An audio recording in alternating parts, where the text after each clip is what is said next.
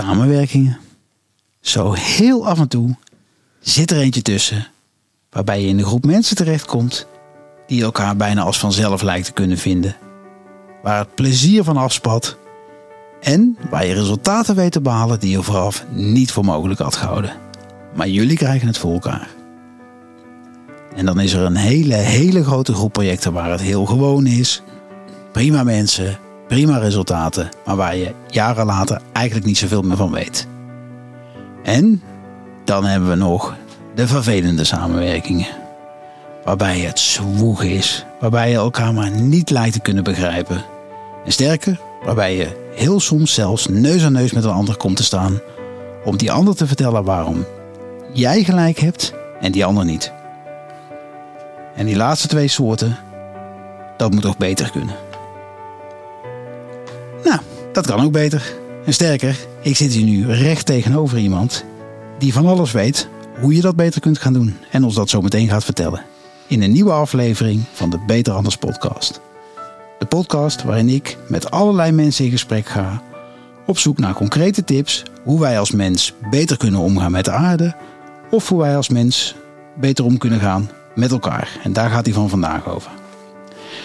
Mijn naam is Ludo Ansems. Ik ben de host van deze podcast, initiatiefnemer van Stroomversnellers.nu, maar vooral tot op het bot gedreven om deze wereld beter achter te laten.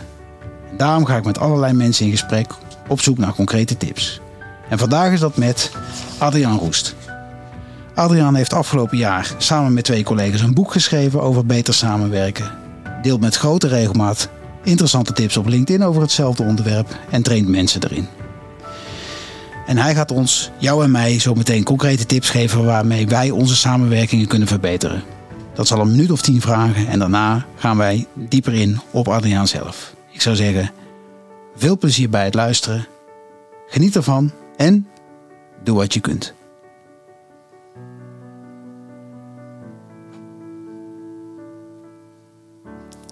Zo, en met die laatste aanslag. Ja, piano moet jou aanspreken, Adriaan. Zeker. In mijn rechter ooghoek, jouw linker staat er eentje. Ehm, ja, Adriaan, jij, eh, ja, op jouw manier draag jij ook bij aan een, aan een betere toekomst om die te realiseren. En daar richt je je met name dus op samenwerken. Eh, ja, mijn eerste vraag is, hoe breng jij dat in een stroomversnelling?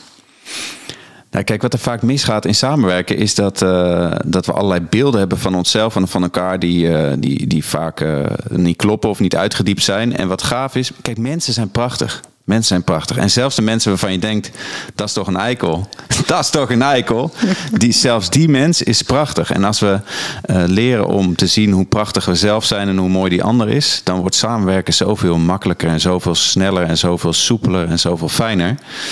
En daar vind ik heerlijk om daaraan bij te dragen en daarbij te zijn ook. Als mensen ontdekken van, uh, hey, wat is dit eigenlijk uh, mooi met jou samen? Wat lijken we eigenlijk veel meer op elkaar dan ik dacht? En uh, wat lukt het eigenlijk wel makkelijk om tot besluiten te komen die goed zijn voor ons allebei? Dus daar, ja, daar word ik heel blij van. Nou, ik, uh, het is goed dat er hier een schelp om me heen zit, zodat ik niet van die stoel af kan donderen. maar ik, ik heb toch echt samenwerkingen meegemaakt waarbij ik nou niet bepaald zag hoe mooi dat die ander was, zeg maar. Dus nou goed, laten we daar niet te lang bij stilstaan. De tips, ik ben heel benieuwd. Ja, nou kijk, de, de belangrijkste tip is eigenlijk wel uh, hoe je kijkt naar wat er gebeurt, wat er gezegd wordt. Dus of het nou is in de relatie met je geliefde of in een team waarin je werkt. Mm-hmm. En mijn eerste tip is, gaat eigenlijk vooral wel over een soort van die mindset of hoe je het ziet. Het is, het is ook een boektitel overigens, wat je vindt mag je houden. En dat betekent dat alles wat je vindt, voelt of zegt, het gaat over jou. Dus in dit geval, nu Ludo, wij zitten hier. Stel dat jij van alles tegen mij zegt over, ah, ben jij een eikel? Ik kan uh, podcast opnemen, ik had het nooit moeten doen, bla bla bla, dat. Mm-hmm. Dan kan ik dat heel erg opvatten als van, oh help, wat vindt hij allemaal van me? Maar als ik met die wat je vindt mag je houden en alles wat je dus vindt, voelt en zegt gaat over jou, weet ik van oké, okay, blijkbaar heeft hij iets, een behoefte gehad, die nu niet helemaal vervuld is. En uh, hoef ik daar ook minder door geraakt te worden, want dat is van jou. Alles wat jij zegt is van jou. En alles wat ik dan daarbij voel, is van mij. Dus ik kan niet zeggen, ja, dat komt door jou dat ik me zo voel. Nee, nee, dat komt omdat ik blijkbaar, ik heb een behoefte aan bijvoorbeeld impact maken. Mm-hmm. En um, um, verbinding en harmonie. Dat zijn behoeften die voor mij heel belangrijk zijn. Ja, als jij dat soort dingen tegen mij gaat zeggen, ja, dan, dan, dan word ik verdrietig en misschien ook wel een beetje boos of verward of weet ik veel wat, omdat ik die behoeften heb en die behoeften zijn niet vervuld. Dus met dat ik uit het oordeel, uit de schuldvraag, uit dat soort dingen kan blijven, kan ik veel meer in verbinding communiceren met je. Want ik hoef het niet meer op te lossen voor je. Ik ben niet meer de schuldige. Ik en ben niet voor jezelf op te lossen dus? Uh, en, in dat moment? Nou ja, en als ik dus zelf iets uh, ergens tegenaan loop, dan heb ik daar zelf iets in te fixen. Waar ik anderen bij kan vragen om mij te helpen en dat soort dingen, maar dat is voor mij. Ja. Uh, dus zeg ook altijd van iemand anders is, kan wel de. hoe zeg je dat? Uh, dat iets aangewakkerd is, dat kan wel bij iemand vandaan komen. Maar iemand is nooit de oorzaak van wat ik voel. Ja. Jij bent nooit de oorzaak van wat ik voel. Want de oorzaak van wat ik voel, die zit op mijn behoefteniveau. En dan komen we gelijk bij tip 2. Of wil je erop doorvragen? Nee, gewoon door. nou, tip 2 is... 10 minuten houden, Adriaan. Dus zoek, zoek, die, uh, zoek de behoeften die schuilgaan achter je gedrag of wat je vindt en voelt. En zoek dat ook bij die ander. Dus zoek altijd een laagje dieper in waar gaat dit nou eigenlijk over. En ik denk dat een valkuil is uh, op alle manieren waarin we sa samenwerken en communiceren met anderen, dus met je, met je lief of met je team, is dat we heel erg geneigd zijn op inhoud of op gedrag uh, te communiceren.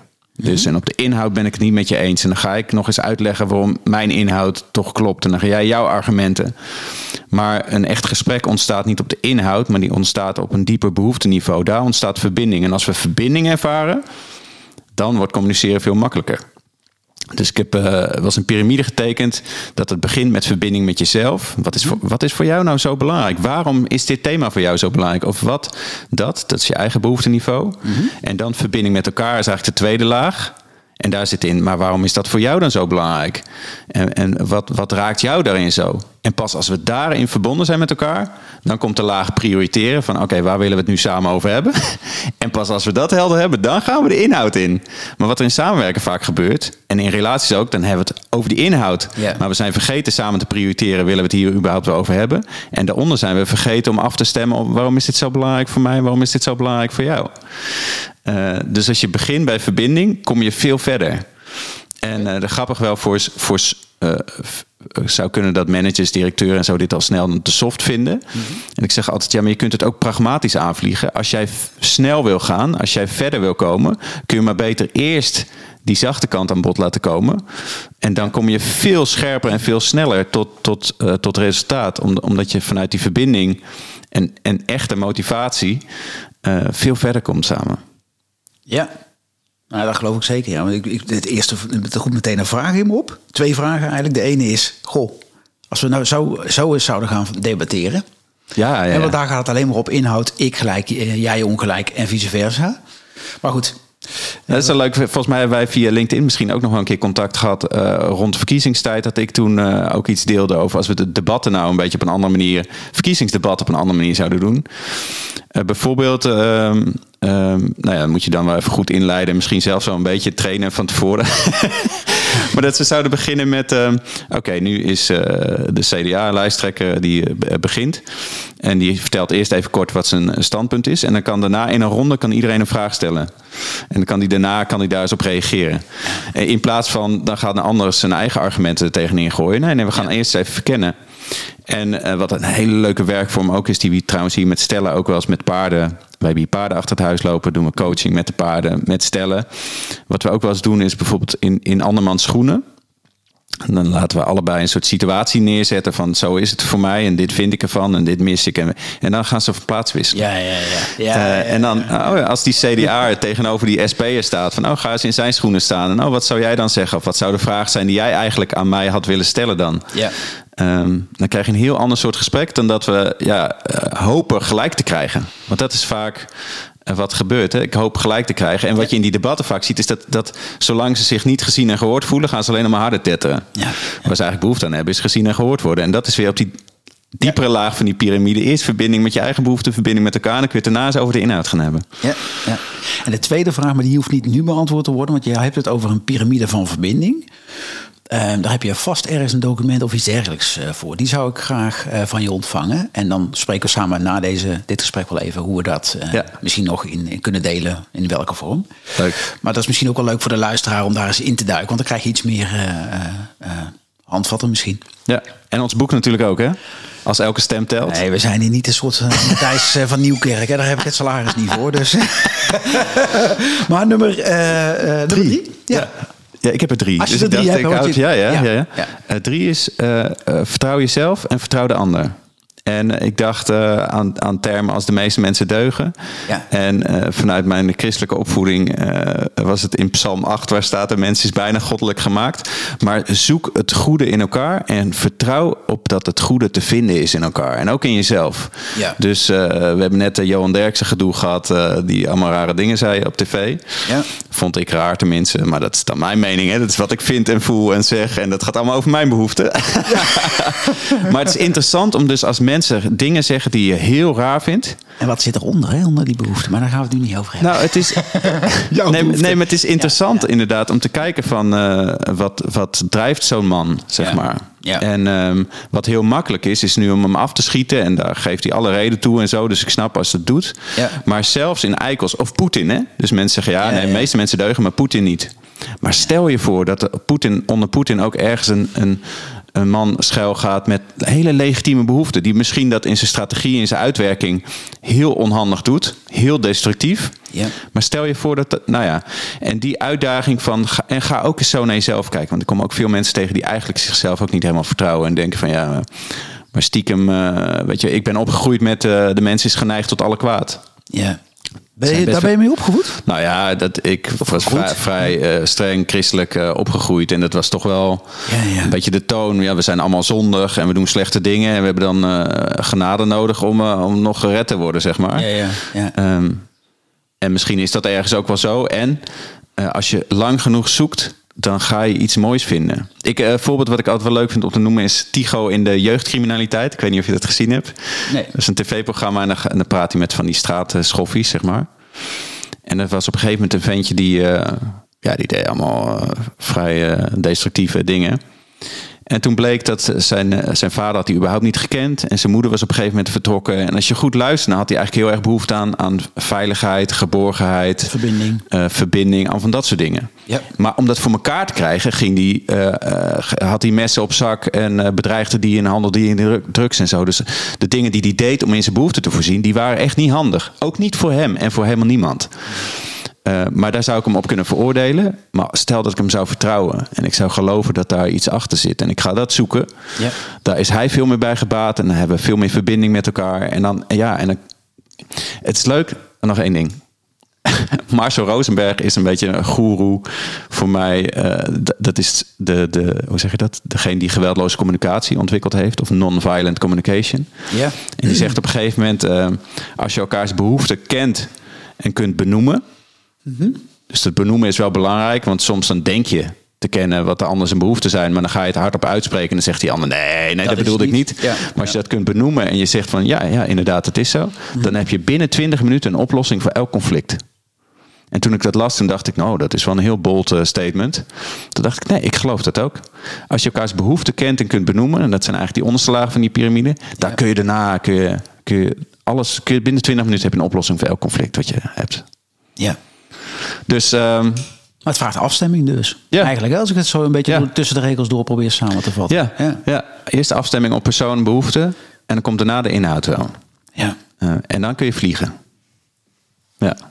En dan kun je vliegen. Stoppen nu met deze podcast. Dan ga je versnellen, ja. Dan, over stroom versnellen, dan ga je versnellen, ja. Ja, ja, ja. En, en soms is het eh, een soort vertragen om te versnellen. Hè? Dat is ook zo'n bekend eh, begrip natuurlijk. Ja, ja, ja. Om, om iets, iets vertragen, dat je zegt, oké, we moeten nu iets meer tijd maken voor elkaar. Ja. Om elkaar echt te zien en te snappen.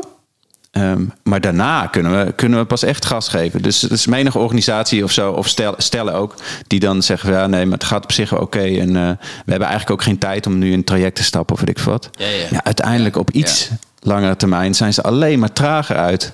Want dat iets vertragen versnelt juist enorm. Ja, ja. En, en heb, je, heb je, want dit is veel interessanter natuurlijk, eh, ook gezien de vraag eh, hoe breng je het in de stroomversnelling? Hoe, eh, heb, je, heb je een conc- concreet voorval, voorbeeld wat je gezien hebt in je eigen leven of met iemand die je begeleid hebt? Ik moet eens een keer nieuw, nieuwe. Ik heb zo'n soort verzameling voorbeelden die ik dan vaak gebruik. En pas zei iemand die had, zat in, voor de zoveelste keer in een webinar, die zei Die je ken moet ik nieuwe al. voorbeelden verzinnen.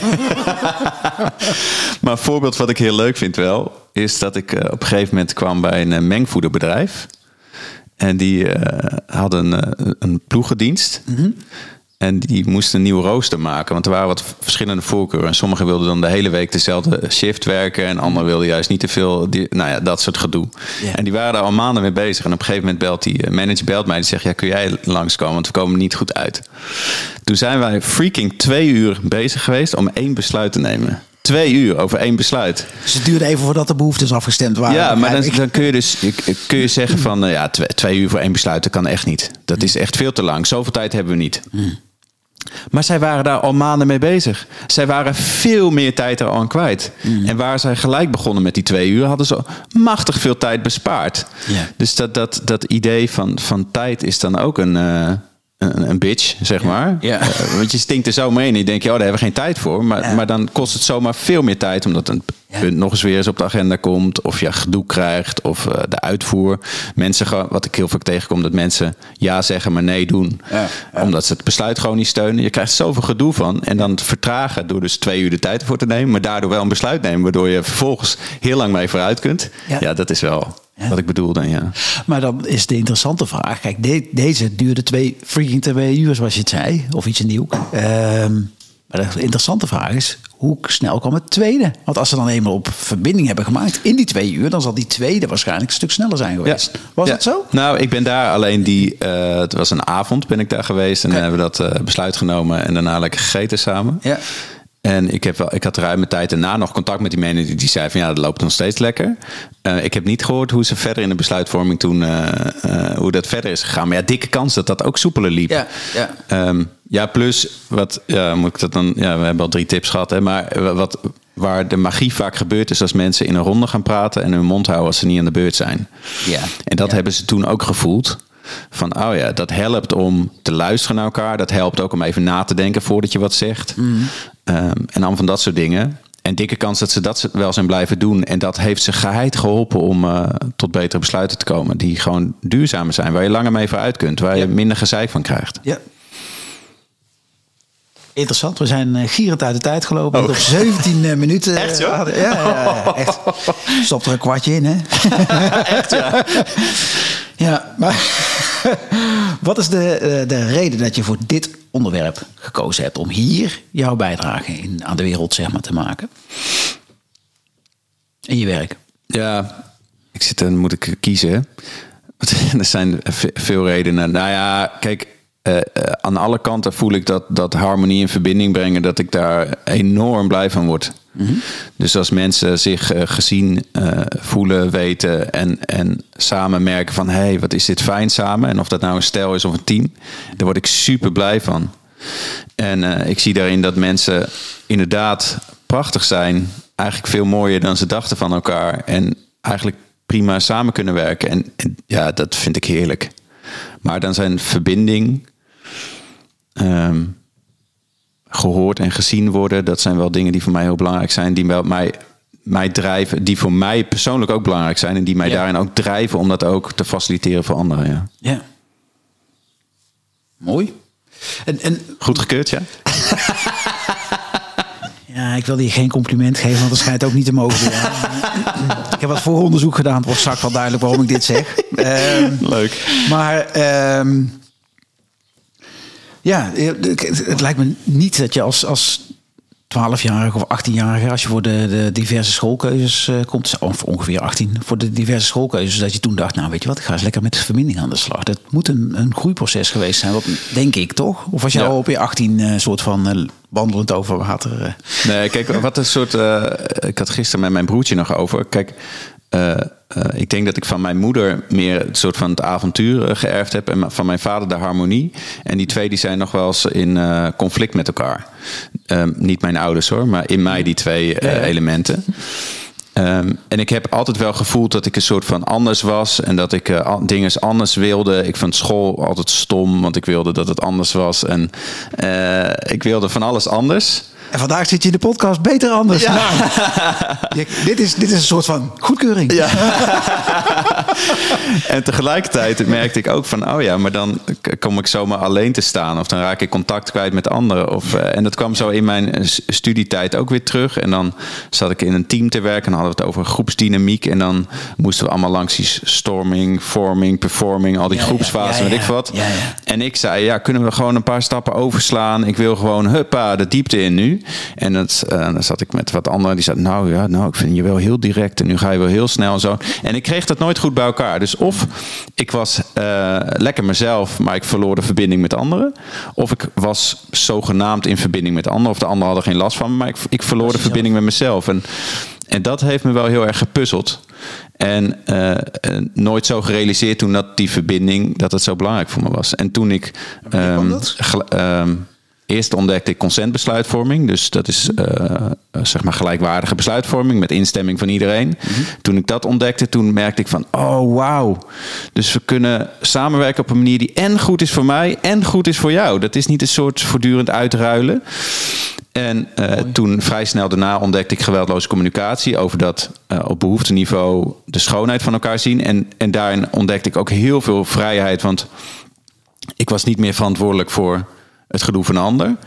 Eh, en ik kon veel meer verantwoordelijkheid nemen voor mijn eigen gedoe. Dus wat ik zelf allemaal voelde, kon ik ook niet meer verwijten aan de ander, maar moest ik zelf mee aan de slag. Dus die elementen bij elkaar merkte van, oh, en op die manier kun je dus echt vervullend samen leven en samenwerken. En mag ik echt mezelf zijn en mag jij ook echt jezelf zijn. En komen we er nog samen uit, komen we er zelfs beter uit nog samen dan, dan als we een soort uitruilspelletje gaan doen. Ja. Ja, en toen ons, ja, Ja, in plaats van dus eh, allebei eh, drie kwart binnen te halen, allebei de volle map Ja, eh, ja, ja. houden, zal ik maar zeggen. Ja. En dan voelen van, oh, misschien lever ik iets in van mezelf, maar daar win ik nog veel meer mee voor ons samen. Ehm, dus ook weer zo'n mooie uitdrukking, hè, van alleen ga je sneller, samen kom je verder. Ja, daar hou ik ook heel erg van. En het, zo is het vaak ook. Ja, als ik het alleen doe, dan ben ik, ben ik sneller bij een besluit. Maar als ik het samen met jou doe, dan wordt het zoveel wijzer van. Eh, ja, dat kost me een beetje tijd, maar dat wint me zoveel wijsheid. Ja, doe dat dan maar. Het is een beetje wat bijzonder is. Ik, eh, vorige week, eh, in de middag, dus maar dezelfde dag, vrijdag, heb ik een andere podcast opgenomen. Komt exact dezelfde gezegde voorbij. Dat Oh, wauw. Echt, Ah, leuk. Ja, ja. Gaaf. Anders komt al een paar keer voorbij bij mensen over zichzelf dan. Ehm, mooi. Tenminste, ja, ik ben er altijd een beetje van onder de indruk als dingen dan in één keer Ja? steeds bij elkaar lijken te vloeien, zeg maar. Gaaf, ja. Ja. Hey, en, en, ehm, eh, maar goed, je hebt dus, di- dus dit gekozen. Hè? Je wil verbinding brengen. Je brengt eh, mensen het inzicht dat een ander de ruimte geven niet betekent dat die van jou hoeft te verdwijnen. Want dat hoor ik je zeggen. Ja, zeker. Ehm, ehm, wat zou je idealiter willen bereiken met wat jij doet? World peace. We hebben pas Miss Congeniality weggekeken, zo'n film uit de jeugd. Ja, kom maar door met die, eh, met die joints, jongens.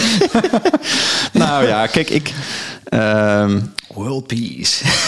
ik denk dat zoveel gedoe in het leven en er wordt zoveel gescheiden en er gaat zoveel, eh, is het doorstroom van personeel en organisaties en er gaan zoveel mensen zitten burn-out thuis en zoveel daarvan is zo onnodig als we in verbinding met onszelf en elkaar leven. En het is helemaal niet heel ingewikkeld. Weet je, ik heb het over rondjes praten en ik heb het over de verantwoordelijkheid voor jezelf nemen en afdalen naar je behoeften en wat zit er nou onder en dat gewoon maar kenbaar maken. Maar Waarom lukt dat dan toch niet, Arjan? Want, eh, of Adrian, sorry. Eh, wa- wa- waar gaat dat mis? Nou ja, en een deel omdat mensen gewoon de tools niet hebben. Dus eh, ik kom nu bijvoorbeeld bij een organisatie die Rijnlands eh, werken en eh, Oh ja. Mhm. een prachtige visie hebben ze. Maar ze missen daar gewoon de tools om dat in de praktijk te doen. En dan worden ze weer teruggeworpen op wat ze kennen. En dat is wat we van kinds af aan ontwikkeld hebben, is een soort ja, allerlei mechanismen in de context waarin we opgroeiden. Dus was je enig kind, enigst kind, dan moest je er soort van zorgen dat je ouders het wel goed hadden. Want ja, jij was de enige, weet ik veel wat. Was je de jongste, moest je opboksen tegen de oudste. Was je de oudste, dan had je de verantwoordelijkheid. Weet je, en allemaal van dat soort patronen hebben we ons aangewend. Ja. Was je een meisje bij drie broers, dan moest je ook stoer zijn. Eh, maar was je een broer bij allemaal meisjes, dan had je weer andere eh, rollen, weet je wel. En, en daar hebben we zoveel gedrag in ontwikkeld waar we zomaar weer inschieten. Ja. En het is een soort overlevingsdrang. Ik denk dat, dat mensen toch wel eh, geneigd zijn om eh, te zoeken naar veiligheid. En veiligheid zit in, dit ben ik, dit is mijn positie, hier sta ik. En dat is dan helder. En, ehm, en als het dan spannend wordt, eh, als het moeilijk wordt, als er nieuwe dingen gebeuren, dan zijn we toch geneigd om terug te vallen op onze oude overlevingsmechanismen om het veilig te houden voor onszelf. En de een gaat dan vechten, en de ander gaat vluchten, en de ander Ja. gaat bevriezen. Ehm, dus om dat te doorbreken, om die patronen die soms al 20, 30, 40, 50 jaar oud zijn te doorbreken, kan best wel wat tijd kosten. En dat is ook waarom wij zowel met stellen als in organisaties eh, niet meer met losse sessies werken bijvoorbeeld. Dus, ja, die losse sessie kan heel tof zijn en dan kun je wel voelen van, oh, dit is te gek. Maar wil je dat het echt beklijft, ja, dan moeten we minimaal een half jaar, misschien wel een jaar of langer met elkaar optrekken. Ja, ja. Om telkens als je die terugtrekkende beweging maakt en weer in je oude gedrag schiet, eh, om dat weer even bewust zijn en te bedenken van, nee, maar dit wil ik niet. Ja, ik wil omdat niet. je eigenlijk het eh, tijd nodig hebt om het oude te ontwennen en het nieuwe te gewennen. ja, als dat ja, goed woord is. ja, ja, check. zeker ja. Oké. Hmm. En nou, ja, de- er triggert een vraag bij me. Eh, Die heb ik vanmorgen onderweg nog bedacht. Dus, dus al rijdend nog even gauw op een kladblokje geschreven. Eh, want ja, je, je, je, bent van de eh, eh, harmonie. eh, dat is wat je zoekt. Dan heb jij, ja, maar je, je helpt ook mensen om beter samen te werken. Dan moet het, ja, het kan niet anders. Je hebt ook mensen meegemaakt waar het voor jou onwijs lastig was. om daar toch goed mee om te gaan, zeg maar. Mijn vraag is, met wie heb jij de allermoeilijkste relatie in je leven gehad? En hoe heb je dat opgelost? Of ben je dat nog aan het oplossen? Zo. Zo, dat is een vraag. Ehm, kijk, wat ik wel merk is dat ehm, privé en, en zakelijk nog wel verschillend zijn. Dus hoe dichter bij mensen staan, Ja. hoe, eh, eh, eh, hoe zeg je dat? Hoe, hoe minder irritant ik mensen misschien vind, maar hoe, ook hoe lastiger ik het vind om het goed op te lossen. Dus ik denk dan als ik kijk naar bijvoorbeeld eh, met mijn ouders zijn een paar thema's die ik echt ingewikkeld vind om, die goed, om daar goed samen uit te komen. Dus zijn we een soort agree to disagree en hebben we het er gewoon wat minder over. Of we stellen elkaar een keer een vraag over, maar we moeten dat, weet je wel dat. Dus dat vind ik dan in die zin misschien wel het ingewikkeldst. Veel ingewikkelder dan een, eh, een of andere directeur die een beetje staat te blazen. Waarvan ik weet van oké, die heeft een behoefte en dan moeten we eindeloos praten en dan komen we er wel uit. Ja, ja. ja. Dus ik kan me nog een sessie voorstellen.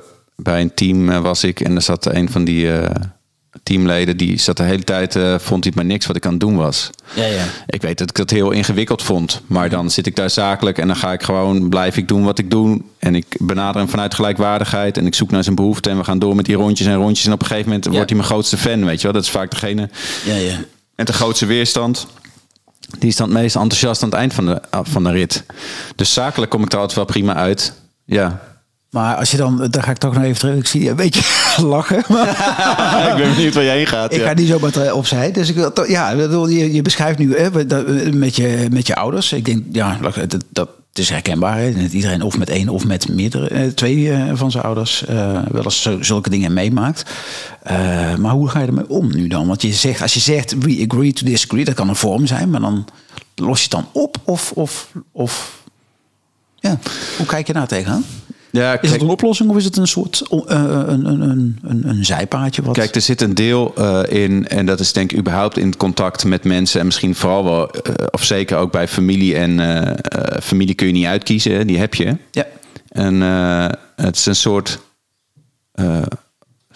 mijn lot is wel, vind ik altijd een mooie term. Of misschien wel een stuk. Ik heb op een gegeven moment een coach gehad. En dan hadden we het over zeggen, ja, het is een soort lijden. Dat er bepaalde thema's zijn waar wij gewoon eh, anders over denken. En ehm, we kunnen niet uit elkaar gaan. Dat willen we ook niet. Ehm, dus we hebben daarin iets te accepteren dat dat is wat het is. En vanuit die acceptatie ontstaat ook wel weer ruimte om warm en goed contact te hebben met elkaar. Dus we hoeven ook niet meer te strijden op die punten. Ja, Dus dat is wel een interessante. Ik geloof dat, eh, en zeker zakelijk gezien, eh, waar je nog een bepaalde ook kunt zeggen op een gegeven moment van nou oké, misschien moeten we dan een andere weg gaan. Ehm, eh, eh, denk ik dat er voor heel veel dingen echt oplossingen zijn. En soms helpt het ook om te omarmen dat die ander anders is en andere opvattingen heeft. Om van daaruit juist weer in verbinding met elkaar te komen. Dus als ik bij mijn ouders ben, dan hebben we heel warm contact. Ik denk als jij erbij was, dan zou je niet zien dat ik daar mijn puzzels heb. Maar dat komt ook omdat we bepaalde thema's, nou ja, die heb ik een soort van geaccepteerd. Oké, dat is een stukje van het lijden wat bij mijn leven hoort. Ehm, zoiets. Geeft dat een beetje antwoord op je vraag? Ja, ja. Ja, inzicht ook wel. heb zelf best wel de neiging om eh, steeds het op te willen lossen. En soms is de oplossing dus om het gewoon te laten, misschien. Ja, ja. Ja, Willeke zegt het wel eens tegen mij. Die zegt, hou nou eens op met dat maar blijven proberen het op te lossen. Ehm, en die kan ik wel eens voelen als ze dat zegt. Dan denk ik, oh ja, daar, daar gaat veel meer energie en liefde verloren. Ja. Dan als ik het zou accepteren en, en, en die energie zou steken in wat we wel hebben. Ja. Ja. Ehm, ja. Oké. Hebben wij een tijdje terug. Wij zijn elkaar tegengekomen eh, op LinkedIn. En daarna is er, eh, ja, ik weet nog, eh, er, is, er was een moment dat jij via een videootje op de chat antwoordde, wat ik super grappig vond. Eh, maar ergens laatst, ik was een beetje aan het terugscrollen in, goh, hoe, hoe is ons contact nou een beetje ontstaan? En daar had jij het op een gegeven moment over Ubuntu. Daar had jij een post over gedaan en daar reageerde ik op. Eh, achterlangs, hè, zo gezegd, dus eh, in een direct berichtje. Maar ja, zou je eens kunnen eh, vertellen wat het is? Is misschien wel goed om even heel kort toe te lichten en dan wat het voor jou is. Ja, ja. ja het is een, een, een, een Afrikaanse eh, filosofie, is het. En ehm, een, een centrale zin is eigenlijk: ik ben omdat wij zijn. Dus ik en wij zijn niet eh, los van elkaar. Ik heb het bedrijf van mijn vrouw en ik heet ook Ik Wij. Oh. is niet per se Ubuntu reden. geïnspireerd, maar ja, dat valt dus wel helemaal samen. Ik ben omdat wij zijn. En ehm, ja, ga ik nou. Kijk, eh, met mijn collega's heb ik een podcast waarin we Annette Mul geïnterviewd hebben. Als je meer over Ubuntu wil, dan eh, is zij ook nog heel interessant. Eh, de Samenwerkpodcast eh, met Annette Mul, waar zij helemaal op Ubuntu verder ingaat. Maar de hele essentie is, is dat, dat ik en wij eh, niet los verkrijgbaar zijn. En dat je dus je ik altijd gerelateerd is aan het wij. En het wij altijd aan het ik. En dat je dus ook geen individuele problemen in die zin hebt. Zij zei in die podcast bijvoorbeeld van je hebt nog steeds mensen die. Eh, bijvoorbeeld dan is er iemand burn-out in een team en dan zegt de rest van het team ik zag dat helemaal niet aankomen. Zei, "Hè, hoe kan dat gebeuren? Weet je wel? Hoe hebben we de ik dan uit de wij gehaald? Want als we verbonden zijn met elkaar en als we elkaar kennen, dan eh, weten we toch ook wat er, wat er speelt bij jou en wat er speelt bij mij en wat wij daarin samen nodig hebben. En jouw, jouw pijn en jouw lijden is dan van ons allemaal. En, en mijn agendapunt is dan ook van ons allemaal. Ja. Eh, en dat, dat denken vanuit collectief ehm, vind ik zo rijk. En dat is ook wel wat ik vanuit de kerk vroeger heb meegekregen. Dat waren we een gemeenschap en daar hoorde je bij. Ongeacht of je elkaar nou leuk vond of niet. Je hoorde gewoon bij elkaar. En ehm, eh, wij gaan nu niet, niet, niet meer naar een kerk. Maar soms mis ik dat nog wel eens. Die, die vanzelfsprekende wij waar je gewoon bij hoort. We zijn best wel, zeg maar. ja, ja, we zijn best wel individueel geworden. Van ik ben ik. We hebben bijvoorbeeld, het staat nog op ons lijstje om eh, met mijn vrouw een keer een podcastaflevering over te maken. Dat het gaat over stellen die dan vooral niet afhankelijk van elkaar willen zijn. Maar waarom wil je niet afhankelijk van elkaar zijn? Want we zijn toch eenmaal, we zijn een twee-eenheid. Het is geen wedstrijd tussen of ik autonoom ben of verbonden met jou. We kunnen en autonoom zijn en verbonden. En misschien zijn we wel vooral autonoom als we verbonden zijn. Misschien zijn we wel vooral verbonden als we autonoom zijn. Weet je? Die, Ja. Dus ik en wij horen bij elkaar. Die zijn niet los te verkrijgen. Ja. Oké. Grappig, ja. Ja. In dit gesprek komt al een paar keer eh, eh, het geloof eh, voorbij. Hè? Ehm, nou ja, toen we net hier de zaak aan het opbouwen waren, vroeg ik ook even. Ik heb gelezen dat je gaat stoppen in de band waar je in zit. Dat is volgens, als ik het goed vertaal hoor, correct me if I'm wrong, maar de, een, een, een- band met een religieuze inslag. Zeker, Zeg maar. ja. En ik las daar een artikel over waarin je zei: Ik wil het geloof minder stellig brengen en met meer ruimte voor twijfel. Ja. Ja, ik noem net al een beetje die, die behoefte aan veiligheid. En, en eh, zo, dit is hoe ik het doe en dit is wat ik vind. En daar vinden we veiligheid in. En ik, ik merk ook dat eh, als het gaat over standpunten bijvoorbeeld... dat een soort van het samen zoeken en dat midden... dat dat best wel spannend is voor veel mensen. Zeggen, oké, de- de- nou weet ik niet waar het heen gaat. Ik vind gewoon dit of ik vind gewoon dat. En ik ben eh, in mijn beeld was geloven altijd of je gelooft helemaal eh, de, de hele pakket van waar ik zeg mee opgegroeid ben, of je gelooft helemaal niet meer. Ja, ja, ja. En ik merk nu van, oh ja, dat, dat, eh, dat verhaal waar ik mee opgroeide, ik, ik weet niet meer wat daar nou van waar is en wat niet waar is. Eh, en, ik, en ik wil ook niet. En mijn zusje zei bijvoorbeeld: wat zou er gebeuren als je niet meer zou geloven? Ik zei: niet geloven. Dat is voor mij een soort non. Dat kan gewoon niet, weet je wel. Er is meer. Ehm, er is iets wat groter is. Of wat ons verbindt aan elkaar, wat, wat nou ja, ik weet niet, dan ga ik alweer woorden eraan geven en dan ga ik het bijna alweer vastleggen, weet je wel. Dus Mhm. ook dit gaat over dat, dat, dat soms ongemakkelijke midden, Ja. waar we eh, eh, zoeken. Maar waarom wil je die, die, die, die ruimte voor die twijfel? Heb je het gevoel dat dat... Blijkbaar zit daar een, een, een Ja, dat of zo die je op wil zoeken? Of, of merk je dat in de, in de, in de, de, de, de zogenaamde volheid van... ik gelo- zeggen dat je 100% gelooft, dat daar zit iets... Wat dan, wat dan ondersneeuwt, zeg maar.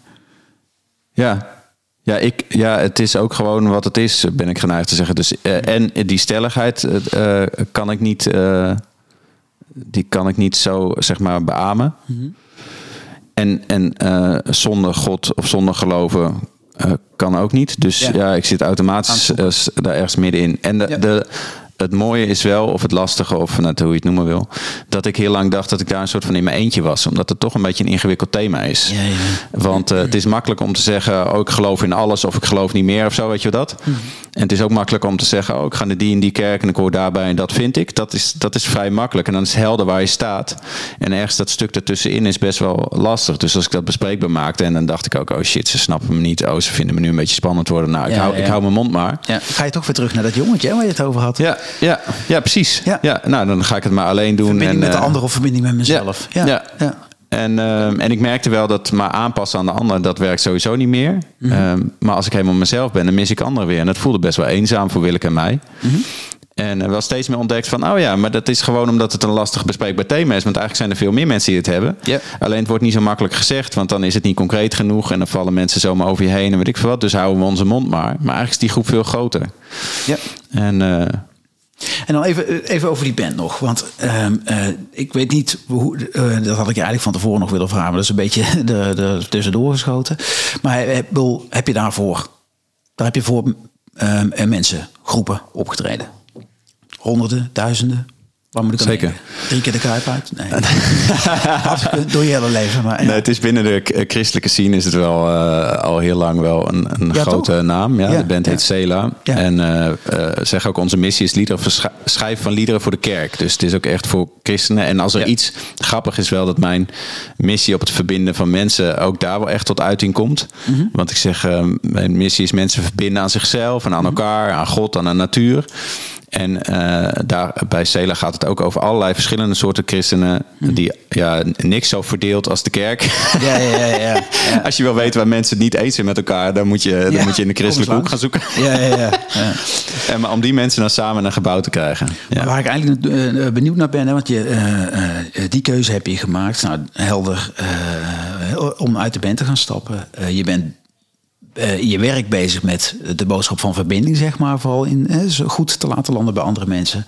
En je hebt op grote podia gestaan met je band.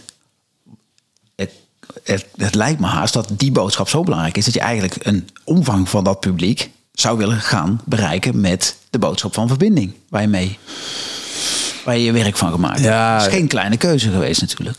Nee. Het is, ik, ik dacht, ik moet toch nog even nuance toevoegen dat ik niet per se stop met die band omdat mijn geloof zo veranderd is. Dat is een Nee, beetje nee. ook weer zo'n verhaal wat de media er dan van maakt. Dus het is een hele serie eh, argumenten waarom het na zoveel jaar wel goed was om iets anders te gaan doen. Nou, het, het, ik vind het, ik wil graag impact maken, dat wel. Ja. Maar ik realiseer me wel steeds meer. En ik vind spreken en, eh, en webinars en lezingen en zo vind ik heel tof om te doen. Mhm. En ik realiseer me wel steeds meer dat de echte verandering gebeurt in jou en in mij. Ja. En niet per se in grote groepen. En dat ik misschien wel veel meer impact heb door ehm, een heel betekenisvol gesprek met jou te hebben. Mhm. Dan een uur lang voor een zaal te praten. Die na een uur misschien wel zeggen: Oh, dit was te gek, oh gaaf. Maar echt te beklijven en Ja, een ja, duurzame verandering. En daarna weer denken, ik heb een frikandel eh, behoefte. Ja, en ja, we gaan ja. totaal vergeten wat je Ja, gezegd ja, hebt. precies ja. Ja, ja. En, en eh, het is, dat is ook, eh, net als het meeste in het leven, is dat ook geen wedstrijd of of of. Dus ik denk dat en dat ik echt hou van het podium en van veel impact maken. En ik hou van Instagram en ik hou van podcast maken. En ik hoop dat heel veel mensen ook dit verhaal gaan luisteren, want ik wil graag mensen eh, inspireren. Ja. ja? Ja. En ik geniet uiteindelijk het meest van duurzame verandering. En die gaat meestal niet via dit kanaal, maar die gaat meer via kleinere groepen, één op één contact, dat soort dingen. Ja. Ik eh, ga het woord aan iemand anders geven. ik ben benieuwd. Ja. Nee, ik iets minder, maar hier komt hij. Even opletten dat ik de schuif niet vergeten open te zetten. Hey Ad, ik heb een vraag aan je. Als jij nog één groot project zou kunnen doen voordat je doodgaat, welk project zou dat dan zijn? Dit is uh, Willeke de vrouw van. Eh, ja, oh, het is een leuke vraag. Het gekke is, dat mijn hoofd zegt gelijk van, oh, nou, wat wil ik met uh, Willeke nog doen? En, en mijn hart zegt, uh, of tenminste, er komt een idee wat ik al heel lang heb.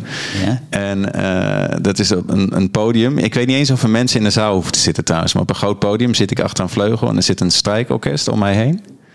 En wij gaan daar hele mooie muziek maken samen. En ik weet niet of dat liedjes zijn die ook gezongen worden. Misschien of dat liedjes van mij zijn of niet. Dat weet ik eigenlijk allemaal niet zo goed. Um, maar ik, ja, dat is het beeld wat ik. En dat heb ik al heel lang wel, dat beeld voor me. En, dus een uh, groot podium samen met je. Een vleugel, strij, ja. strijkorkest om me heen. Oh, en ik dacht met Willeke ook erbij, maar die niet. Nee, nee. nee ja, die mag in de zaal, die mag luisteren. Kun je beter niet laten zien, hoor ik. ja, ja ik, en ik weet niet precies waar dat dan over gaat. Want ik heb dat al heel lang bij me. Maar het is toch, muziek is, een, is zo wel de taal van mijn hart. Ja. En ik merk ook bijvoorbeeld over dat hele geloofstuk waar we het net over hadden, dan zit dat midden en dan woorden vinden en dan is het te vaag en weet ik Ja. veel wat. Dus Ja. dat vind ik al heel ingewikkeld. Maar dan muziek maken, daar vervallen alle verwarring en weet ik veel wat vervalt voor mij daar. Dus dat is, Nou, ik geloof ook wel dat de, eh, tenminste, ja, als je leest, de mensen die echt impact maken, die gaan vaak via het hart. ja, Die praten. En eh, eh, Nelson Mandela bijvoorbeeld, die, die heeft uiteindelijk de echte omslag bereikt door de, de tegenstander, zal ik maar zeggen, in die tijd. Hè, dus de, de blanke Zuid-Afrikaan, in het hart te raken. Waardoor, Ja, ja. hoe deed hij dat? Door de taal van hen te gaan leren en Ja. te gaan spreken. Waardoor ze niet meer een soort bypass hadden. Eerst in het Engels, dan vertalen in je hoofd. En dan was het tegen die tijd dat ze snapten wat hij zei, eh, dat het allemaal alweer eh, zakelijk kon worden afgedaan. Nee, super ja. het kwam recht binnen en ze moesten daar wat mee. Ja. Ja, super gaaf. Ja, en een puzzel die ik nog heb is hoe die muziek en de coaching die ik in de organisatie doe en die ik met Willeke Voorstellen doe, hoe ik dat kan integreren in elkaar. Want die vorm heb ik nog niet gevonden.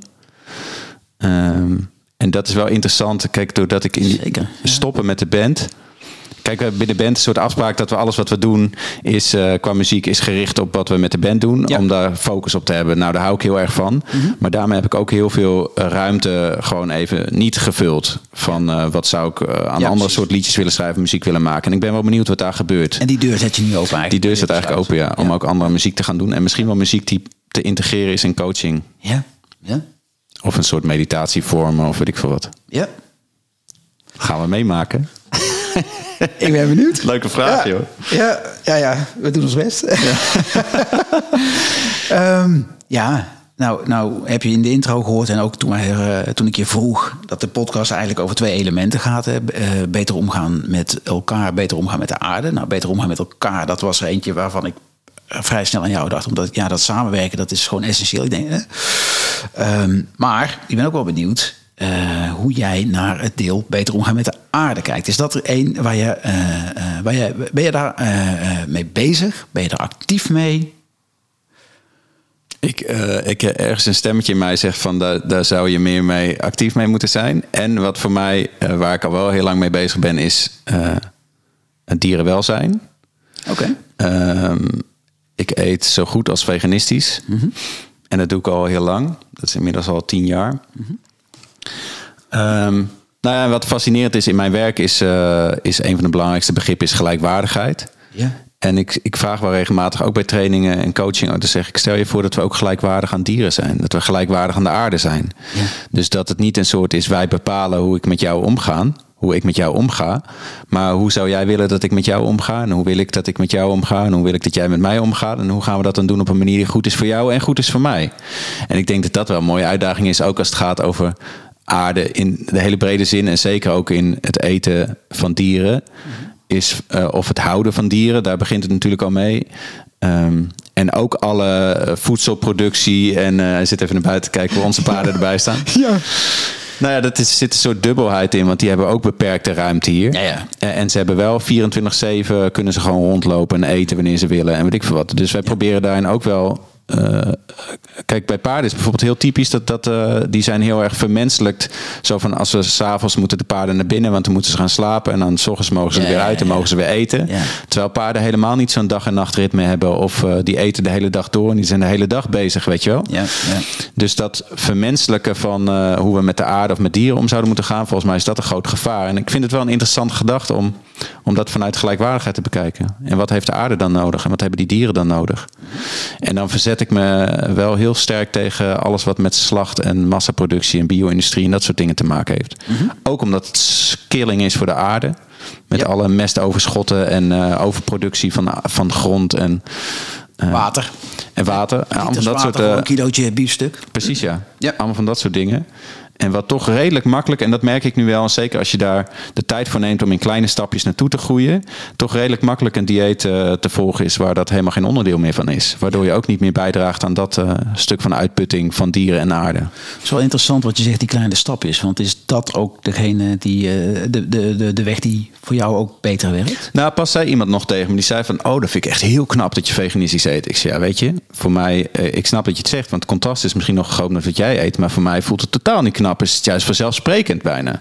Dus ik kan niet van kaas afblijven. Dus uh, soms dan heb ik weer een periode dat ik wat meer wel een stukje kaas eet. Ja, en verder eet ik volgens mij helemaal veganistisch. Um, maar dat is dus stapje voor stapje. Maar dat is stapje voor stapje van, van louter uh, carnivoor bij wijze van spreken. Pof, we gaan volledig op. Uh, nee, ik ging steeds minder vlees eten. En toen merkte ik dat mijn, uh, mijn maag, daar vrij, die vrij gevoelig is. als ik dan wel een keer vlees had, dan was ik gelijk, had ik een soort klomp in mijn buik. Dus dat hielp wel om daar vrij ja, vlot van af te blijven. Ja. En uh, die kaas die komt in golven weer. En dan denken we, nee, dat wil ik niet. En dan heb ik weer zo'n periode dat ik daar vanaf kan blijven. Dus dat is een soort detail. Maar dat we steeds meer nou, een keer wat veganistisch gingen bakken. En toen een keer wat veganistisch zonder suiker. En toen wat veganistisch gingen koken. En toen wat nieuwe kruiden in onze la kregen. en toen weer een recept erbij. Weet je, want op een gegeven moment, uh, stapje voor stapje, komen op die plek waar we graag willen zijn. En ik merk wel dat kleine stapjes mij helpen om er ook te komen. Dus als ik te snel wil, dan hou ik het even voor me. Dan is het zo weer weg. En als ik gewoon mijn stapje voor stapje integreer, dan kom ik veel sneller. Ah, dat, dat kun je beamen of niet. Je zit met zo'n ja, Ja, ja, nee, ja. Uh, ook deze, die uh, uh, vorige week nog een, nog een andere podcast opgenomen. kwam hetzelfde voorbij. Oh ja, wat grappig. En ik ben zelf, houd ik erg van, van, van een soort van het grote gebaar of de megastap of iets dergelijks. Want dat voelt dan Ja. Maar, maar de realiteit is dat met, met, net zoals je zegt, kleine stapjes, ander ritme op gaan zoeken, verkennen. En dan merk je dat het, dat het beklijft. Terwijl als ik, ik, ik heb de afgelopen maand heb ik, eh, heb ik, heb, dacht ik ga gewoon eens proberen om eens uh, door de week geen uh, koekjes meer s'avonds te eten. Oh ja. Dat klinkt als iets heel kleins. Is het, ja, ja. Dat is het ook. Maar uh, in ons geval was een koekje s'avonds was... oh ja, nou, hij is nu toch open. Nog een koekje, nog een koekje, nog een koekje. En uiteindelijk til pak weg. Um, en dan gaat er toch best wel wat suiker in zitten. En dan ook nog eens een keer een kaas, uh, als je er zin in had of weet ik wat. En toen dacht ik, ja, oké, hier zitten we dan hè, in de westerse wereld... zwaar boven de, onze stand aan het leven. En ik ben ergens heel erg overtuigd dat dat goed is. Om dat terug te gaan dringen. Dat roep ik ook. Maar ja, praten is leuk, doen ansems. Dus toen ben ik, uh, dacht ik, uh, ja, ik, dat was grappig omdat ik iets gepost had. Daar reageerde iemand op en die maakte een link naar carnaval. Hè, want dat is van oorsprong de laatste feestdag voordat het 14 dagen vast. Dus toen dacht ik, hé, hey, dat is wel, wel grappig. Dat ga ik gewoon doen. Gewoon tot en met Pasen. Dat is ook een makkelijke datum voor mezelf om, om te onthouden. Niks meer van, van snoep. Nou, kan je vertellen, de eerste dagen, echt jongen, dan, nou, zeker op de momenten waarop je normaal gesproken een zakje drop in de auto naast je hebt liggen, ah, terug van een training bijvoorbeeld die ik had. Ja, dan miste je ze. Maar het grappige is dat ik inmiddels, eigenlijk wat jij ook zegt met jouw maag. Ik weet niet of ik een gevoelige maag heb, maar ik merk inmiddels wel dat mijn, mijn lichaam is wat, uh, wat, wat strakker geworden. Eigenlijk de winst die ik per ongeluk heb opgedaan, daar had ik het helemaal niet voor gedaan. Die maakt dat ik nu denk, hè, van, eh, nou, twee, dagen, twee dagen terug was het, eh, was het Koningsdag dat ik eigenlijk een drempel over moet nu om op een doordeweekse dag, want dat is het, toch iets een, een gebakje te eten of zo. Omdat de koning, uh, weet ik veel wat. Grappig, ik zit ook te denken, het heeft uh, dat kleine stapjes. En het heeft wel een element van een visie van een lange termijn. Ja. Dus het zijn die alle twee. Ja. Want ik, ik denk gelijk dan een uh, Brabantse Bourgondie. Of hoe zeg je dat? Bourgondische Brabant. Zou je zomaar kunnen denken van ja, maar je moet toch ook genieten van lekkere dingen. En dat is een heel korte termijn van ja, maar dan ga ik dus nu gewoon vreten. Maar stel je voor dat er op lange termijn iets is waar je echt blij van wordt. Ja.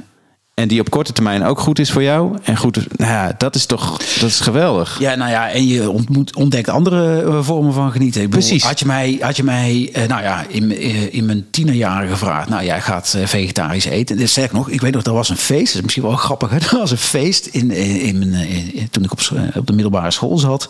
En er was één meisje. En dat was, ja... Die, die, vond, die, die vond ik interessant ergens of zo, maar die was vegetarisch. Nou joh, dat was dan heel raar. Ja. Dus, dus er was ergens een soort van aantrekking, maar het feit vegetarisch, dat ik dacht, hoe, hoe, doe me niet of zo. Weet je, dat is Ja. echt, het is, Ja. nou, dat is wel raar eigenlijk. Is eigenlijk. Als ik het menu hoor zeggen, denk ik echt, koekoek, ben je, ben je gek geworden. Nou ja, en het is wel iets van maar- tijdsgeest ook natuurlijk. ja, zeker, zeker. Dus dat is verder ontwikkeld. Maar inmiddels, hè, op een gegeven moment dacht ik, je, je leest wat dingetjes. Toen dacht ik, ja, als dan vlees eh, zo belastend is en je kunt, je hebt, we eten op dit moment in ieder geval te veel vlees. Ehm, eh, of je er helemaal vanaf moet, dat, daar, daar kun je nog een dialoog over opstarten. Maar toen ben ik met de tijd wat meer andere dingen gaan proberen. Nou, toen ben ik Little Willys, had je nog niet eens, hè? Nu heb je ze ook niet meer, maar van die, van die vegetarische worstjes van de vegetarische slagen. Nou, kan je vertellen, die vind ik echt heel erg lekker. Ja, dus, dus je, ontmoet, je ontdekt dus in, als je weggaat van wat je kent, ook weer nieuwe dingen Ja. leer je kennen Ja, die ja. eigenlijk heel erg prima zijn. Nou, dat vond ik leuk. eh, en nog steeds om te koken voor mensen. eh, en dat ze dan niet gemist hebben. Dat ze geen vlees gemist Ja, hebben. ja, ja. Kijk, dat kan dus. En als ze voelen van, oh, dus ik, grappig. Ik heb lang gezegd van, eh, het alternatief moet eigenlijk beter zijn. Dus eh, dan kan ik veranderen. Als het Ja. alternatief beter is, kan ik wel iets loslaten. Ja. En toen merkte ik van, oh ja, met die kaas bijvoorbeeld, daar vind ik het lastig. Dus met vlees lukte me dat wel, en kaas vond ik lastig. En toen dacht ik, oh ja, in sommige gevallen helpt het ook om de, de negatieve kanten van nog iets zwaarder te zien. Mhm. Dus bij kaas bijvoorbeeld dan, ik weet nu, als ik weer minder wil met kaas, dan moet ik even een paar hoofdstukken uit een boek lezen over de hele kaasproductie en wat er allemaal misgaat en weet ik veel wat. En als ik dat lees, dan denk ik, "Getver, ik ga toch geen kaas meer eten. dus soms is het verlangen wat je Ja. kan drijven om het anders te gaan doen. En soms kan ook gewoon de, de, de pijn of de confrontatie met de rauwheid ervan ook Ja. helpen. Ja. Hey, en wat is dan, wat het, de, uiteindelijk, ja, beter anders betekent ook joh, stappen zetten. Wat is nu in, in die hoek, als je kijkt over eh, beter omgaan met de aarde, voor jou een stap waar, waar je eigenlijk misschien al een tijdje omheen zit te dralen? En elke denk ja, kaas kan ik me voorstellen, maar goed, misschien een andere. Want kaas is voor veel mensen toch wel een hele eh, belangrijke. Maar wat zou er eentje zijn waarvan je eigenlijk denkt, ja, daar ben ik al zo lang overheen aan het dralen, daar ga ik nu na deze podcast over een jaar spreken we elkaar weer, dan heb ik daar stappen in gezet. ik noem maar wat. Ja, het is, eh, het is een heel klein ding misschien. eh, maar wat nu als eerste in me opkomt is ons oude trekkertje. Die echt ongelooflijke gassen uitspuit. Het is ook echt, eh, als hij in de schuur staat en ik start hem, dan moet ik heel snel die schuur uit. Want eh, anders dan eh, vergas ik de half. Die spuit en het is oude diesel. eh dan denk ik, ja, misschien moet ik daar toch eens iets alternatiefs voor gaan doen. Of het, het voelt als een kleine, nou ja, over kleine stapjes gesproken. Oh, Het is ook alweer gedoe, want waar ik zo'n ding vandaan? Dat kost dan weer een paar duizend euro en zo. Ja, ja. Eh, maar dat zijn wel van die dingen. Ik zit met ons erf bijvoorbeeld. Eh, ik heb ooit een keer een fles eh, glyfosaat gekocht. Niet gebruikt. Oh. ik reed pas langs zo'n veld. Ik dacht, oh vreselijk. Dit is zo'n platgespoten veld. Zo'n oranje veld. Maar om, omarmen van het groen op mijn erf. Dat is misschien ook een klein stapje. Die is wat kleiner, ja, ja. Maar die trekker klinkt ook wel als een goeie. Ja. Hey, ehm, ja. Ik, eh, ik zit even naar de tijd te kijken. Die, eh, die hard voort. Mooi gesprek. Dus je voelt het niet zo, maar het gaat wel hard. Ehm, ja, een vraag die ik eh, eigenlijk altijd tegen het eind stel is eh, eh, een liedkeuze. Hè? Wat is een lied wat voor jou staat voor waar jij voor staat en gaat in het, in het leven, zeg maar? Had je er eentje doorgegeven aan me. Ik weet niet of je die nog wil overeind houden, omdat je vrouw daar wat twijfel over had. Nee, nee, nee ze, ze was verrast hè, dat ik het nog niet. Oh ja, dat was het, ja. Dat Ja. ze het niet wist. Nou ja, ik zoveel liederen ken ik. En eh, ik hou van muziek. Ik luister heel veel muziek. Dus als ik dan zo'n vraag krijg, dan denk ik, oh help, wat, eh, wat kies ik? En het was het eerste wat in me opkwam, was eh een liedje Don't Give Up. Volgens mij is van Herbie Hancock. En het wordt dan gezongen door Pink en John Legend. Ja.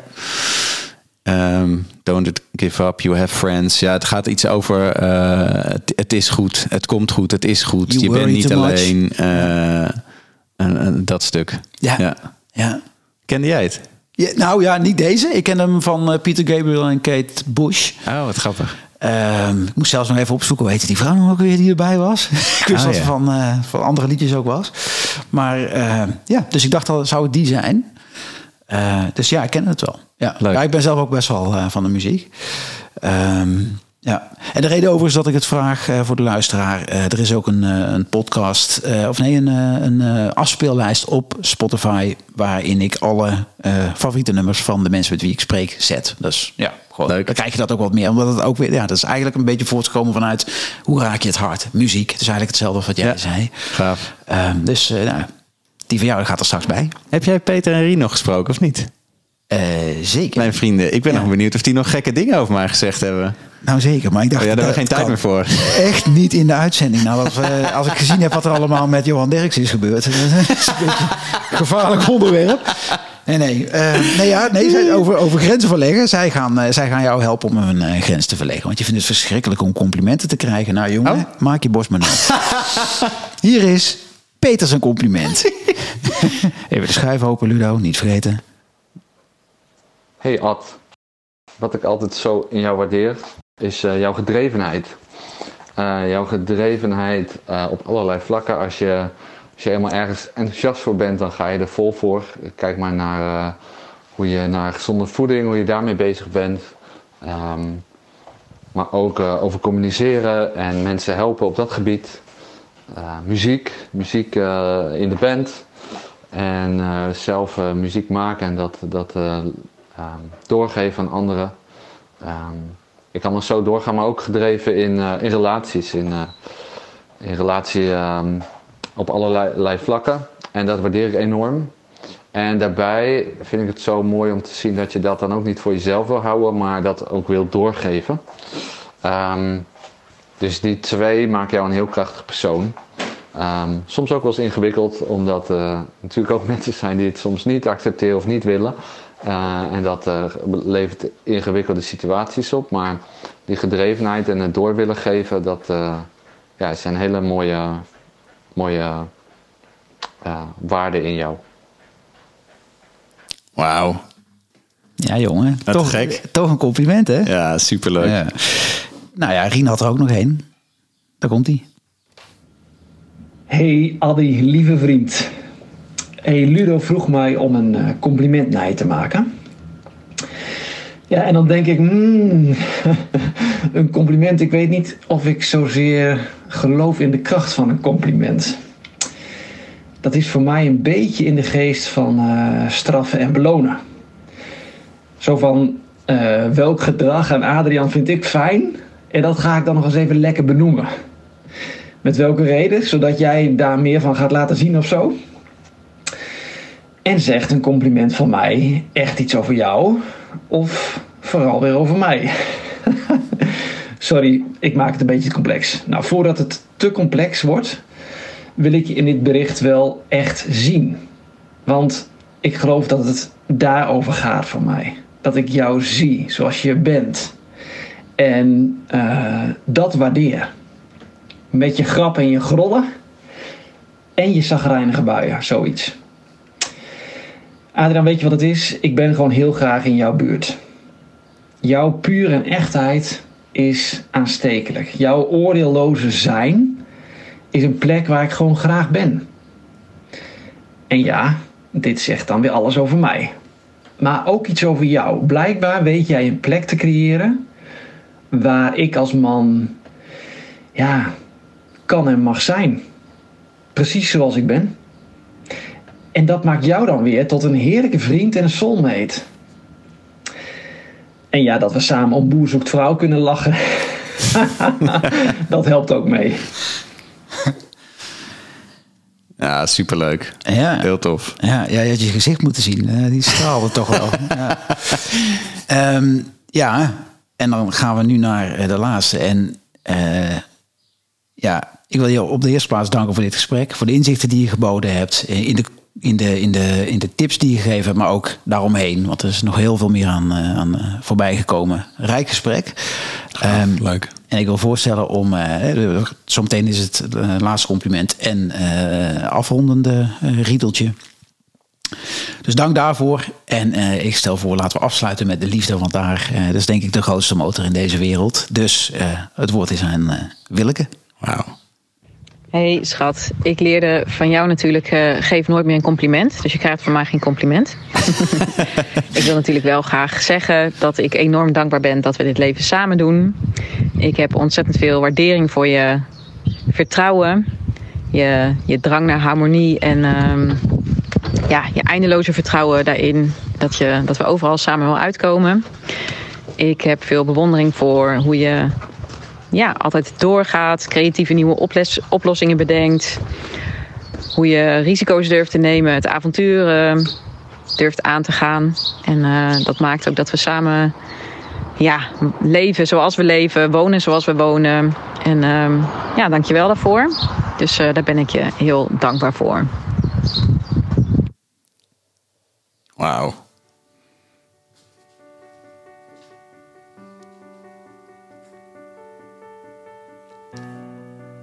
En daarmee komt deze aflevering van de Beter Anders podcast alweer ten einde. Adriaan, bedankt. Luisteraar, mocht jij denken, ik heb eigenlijk nog wel een vraag die ik wil stellen of wil je iemand nomineren om aan te schuiven in deze podcast? Stuur dan een mail naar ludo.beteranders.nl Dan wens ik je heel veel succes met het toepassen van één of meer van de tips die je ter harte wil gaan nemen. En wens ik je heel veel betere samenwerkingen en zou ik zeggen voor nu, ik hoop dat je de volgende keer er weer bij bent. En fijne dag.